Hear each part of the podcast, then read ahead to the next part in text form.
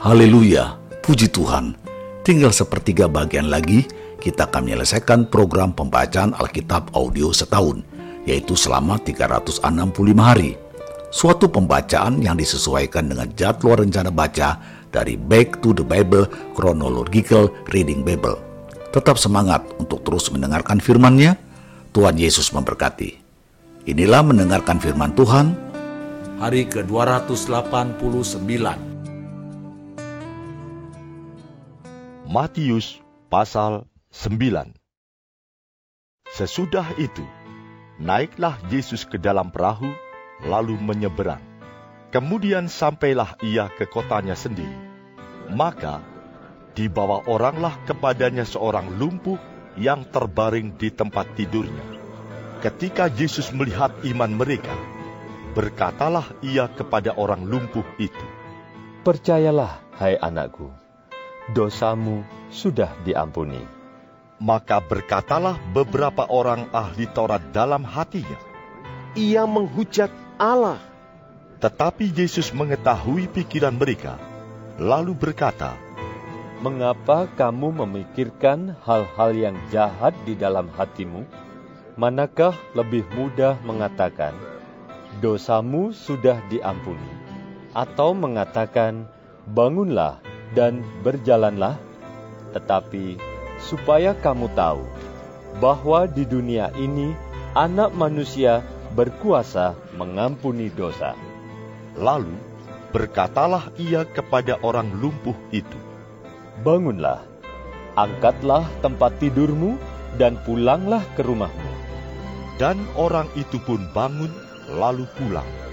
Maka orang banyak yang melihat hal itu takut, lalu memuliakan Allah yang telah memberikan kuasa sedemikian itu kepada manusia. Setelah Yesus pergi dari situ, ia melihat seorang yang bernama Matius duduk di rumah cukai, lalu ia berkata kepadanya, Ikutlah aku. Maka berdirilah Matius, lalu mengikut dia. Kemudian ketika Yesus makan di rumah Matius, datanglah banyak pemungut cukai dan orang berdosa, dan makan bersama-sama dengan dia dan murid-muridnya. Pada waktu orang Farisi melihat hal itu, berkatalah mereka kepada murid-murid Yesus, Mengapa gurumu makan bersama-sama dengan pemungut cukai dan orang berdosa? Yesus mendengarnya dan berkata, Bukan orang sehat yang memerlukan tabib, tetapi orang sakit. Jadi, pergilah dan pelajarilah arti firman ini. Yang ku kehendaki ialah belas kasihan dan bukan persembahan. Karena aku datang bukan untuk memanggil orang benar, melainkan orang berdosa. Kemudian datanglah murid-murid Yohanes kepada Yesus dan berkata, Mengapa kami dan orang Farisi berpuasa, tetapi murid-muridmu tidak? Jawab Yesus kepada mereka, Dapatkah sahabat-sahabat mempelai laki-laki berduka cita selama mempelai itu bersama mereka? Tetapi waktunya akan datang, mempelai itu diambil dari mereka, dan pada waktu itulah mereka akan berpuasa. Tidak seorang pun menambalkan secari kain yang belum susut pada baju yang tua, karena jika demikian, kain penambal itu akan mencabik baju itu, lalu makin besarlah koyaknya. Begitu pula, anggur yang baru tidak diisikan ke dalam kantong kulit yang tua, karena jika demikian, kantong itu akan koyak, sehingga anggur itu terbuang dan kantong itu pun hancur.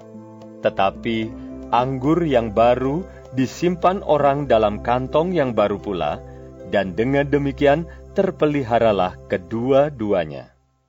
Sementara Yesus berbicara demikian kepada mereka, datanglah seorang kepala rumah ibadat lalu menyembah dia dan berkata, Anakku perempuan baru saja meninggal, tetapi datanglah dan letakkanlah tanganmu atasnya maka ia akan hidup.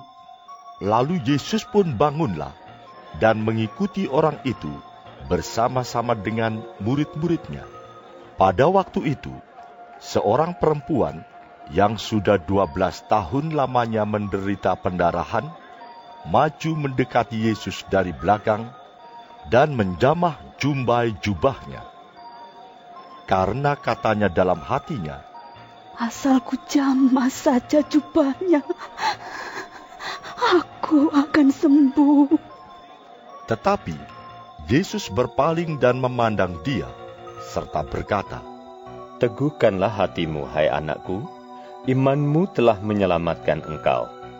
Maka sejak saat itu, sembuhlah perempuan itu.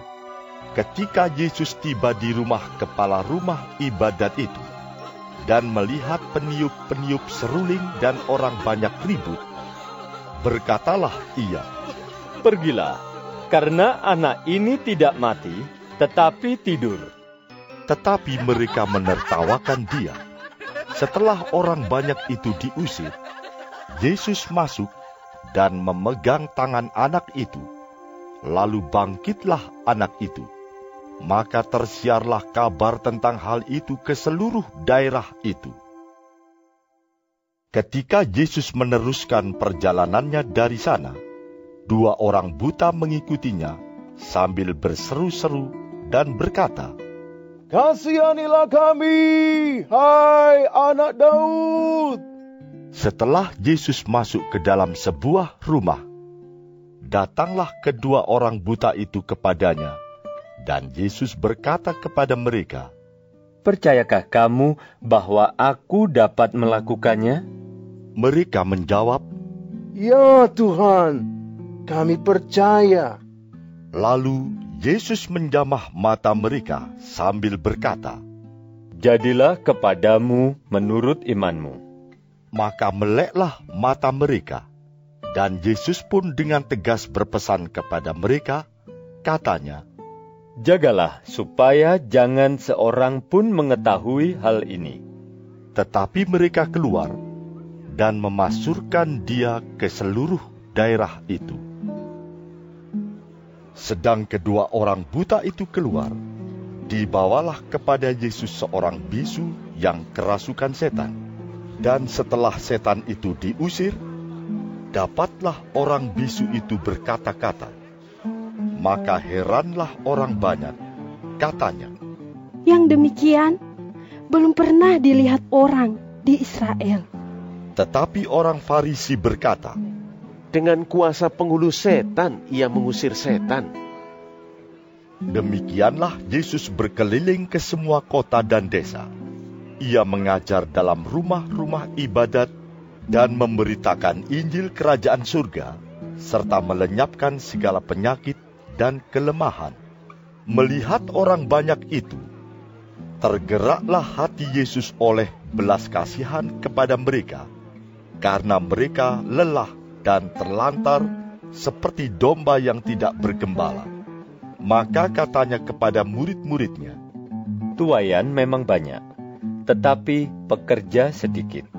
Karena itu, mintalah kepada Tuan yang empunya tuayan, supaya ia mengirimkan pekerja-pekerja untuk tuayan itu.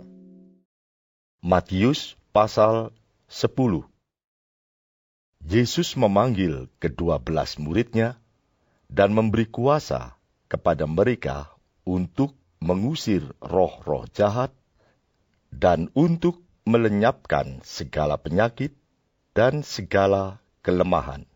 Inilah nama kedua belas rasul itu.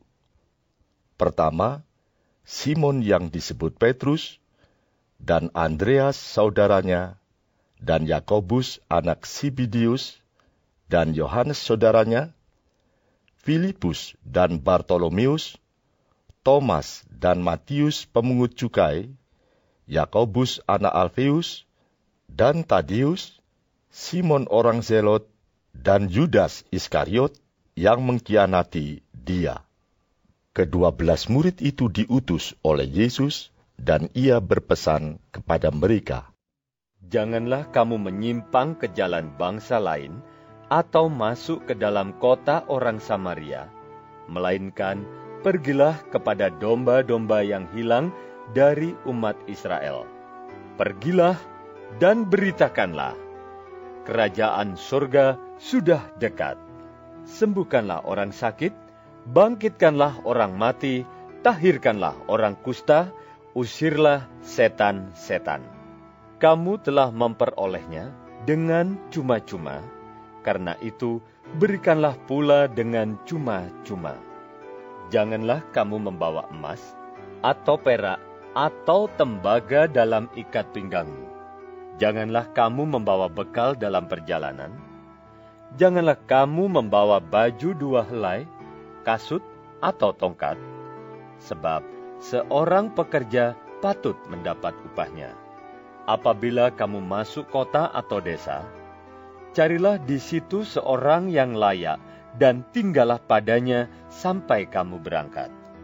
Apabila kamu masuk rumah orang, berilah salam kepada mereka. Jika mereka layak menerimanya, salammu itu turun ke atasnya. Jika tidak, salammu itu kembali kepadamu. Dan apabila seorang tidak menerima kamu dan tidak mendengar perkataanmu, keluarlah dan tinggalkanlah rumah atau kota itu dan kebaskanlah debunya dari kakimu. Aku berkata kepadamu, sesungguhnya pada hari penghakiman, tanah Sodom dan Gomora akan lebih ringan tanggungannya daripada kota itu. Lihat, aku mengutus kamu seperti domba ke tengah-tengah serigala. Sebab itu, hendaklah kamu cerdik seperti ular dan tulus seperti merpati. Tetapi, waspadalah terhadap semua orang, karena ada yang akan menyerahkan kamu kepada majelis agama, dan mereka akan menyesah kamu di rumah ibadatnya. Dan karena aku, kamu akan digiring ke muka penguasa-penguasa dan raja-raja sebagai suatu kesaksian bagi mereka dan bagi orang-orang yang tidak mengenal Allah. Apabila mereka menyerahkan kamu, janganlah kamu khawatir akan bagaimana dan akan apa yang harus kamu katakan, karena semuanya itu akan dikaruniakan kepadamu pada saat itu juga. Karena bukan kamu yang berkata-kata, melainkan roh Bapamu. Dia yang akan berkata-kata di dalam kamu. Orang akan menyerahkan saudaranya untuk dibunuh. Demikian juga seorang ayah akan anaknya. Dan anak-anak akan memberontak terhadap orang tuanya, dan akan membunuh mereka. Dan kamu akan dibenci semua orang oleh karena namaku. Tetapi orang yang bertahan sampai pada kesudahannya akan selamat. Apabila mereka menganiaya kamu dalam kota yang satu, larilah ke kota yang lain. Karena aku berkata kepadamu, sesungguhnya sebelum kamu selesai mengunjungi kota-kota Israel, Anak Manusia sudah datang. Seorang murid tidak lebih daripada gurunya, atau seorang hamba daripada tuannya. Cukuplah bagi seorang murid jika ia menjadi sama seperti gurunya, dan bagi seorang hamba jika ia menjadi sama seperti tuannya. Jika tuan rumah disebut BL Sebul, apalagi seisi rumahnya. Jadi janganlah kamu takut terhadap mereka. Karena tidak ada sesuatu pun yang tertutup yang tidak akan dibuka, dan tidak ada sesuatu pun yang tersembunyi yang tidak akan diketahui. Apa yang kukatakan kepadamu dalam gelap, katakanlah itu dalam terang. Dan apa yang dibisikkan ke telingamu, beritakanlah itu dari atas atap rumah dan janganlah kamu takut kepada mereka yang dapat membunuh tubuh, tetapi yang tidak berkuasa membunuh jiwa. Takutlah terutama kepada Dia yang berkuasa membinasakan, baik jiwa maupun tubuh di dalam neraka. Bukankah burung pipit dijual dua ekor seduit? Namun, seekor pun daripadanya tidak akan jatuh ke bumi di luar kehendak Bapamu. Dan kamu, rambut kepalamu pun terhitung semuanya. Sebab itu, janganlah kamu takut, karena kamu lebih berharga daripada banyak burung pipit. Setiap orang yang mengakui aku di depan manusia, aku juga akan mengakuinya di depan Bapakku yang di sorga. Tetapi barang siapa menyangkal aku di depan manusia, aku juga akan menyangkalnya di depan Bapakku yang di sorga. Jangan kamu menyangka bahwa aku datang untuk membawa damai di atas bumi. Aku datang bukan untuk membawa damai, melainkan pedang. Sebab aku datang untuk memisahkan orang dari ayahnya, anak perempuan dari ibunya, menantu perempuan dari ibu mertuanya, dan musuh orang ialah orang-orang seisi rumahnya. Barang siapa mengasihi bapa atau ibunya lebih daripadaku, ia tidak layak bagiku. Dan barang siapa mengasihi anaknya laki-laki atau perempuan lebih daripadaku, ia tidak layak bagiku. Barang siapa tidak memikul salibnya dan mengikut aku, ia tidak layak bagiku. Barang siapa mempertahankan nyawanya, ia akan kehilangan nyawanya, dan barang siapa kehilangan nyawanya karena aku, ia akan memperolehnya. Barang siapa menyambut kamu, ia menyambut aku. Dan barang siapa menyambut aku, ia menyambut dia yang mengutus aku. Barang siapa menyambut seorang nabi sebagai nabi, ia akan menerima upah nabi, dan barang siapa menyambut seorang benar sebagai orang benar, ia akan menerima upah orang benar. Dan barang siapa memberi air sejuk secangkir saja pun kepada salah seorang yang kecil ini, karena ia muridku, aku berkata kepadamu, sesungguhnya ia tidak akan kehilangan upahnya daripadanya. Tetap semangat, teruskanlah mendengarkan firman Tuhan. Sampai jumpa esok hari.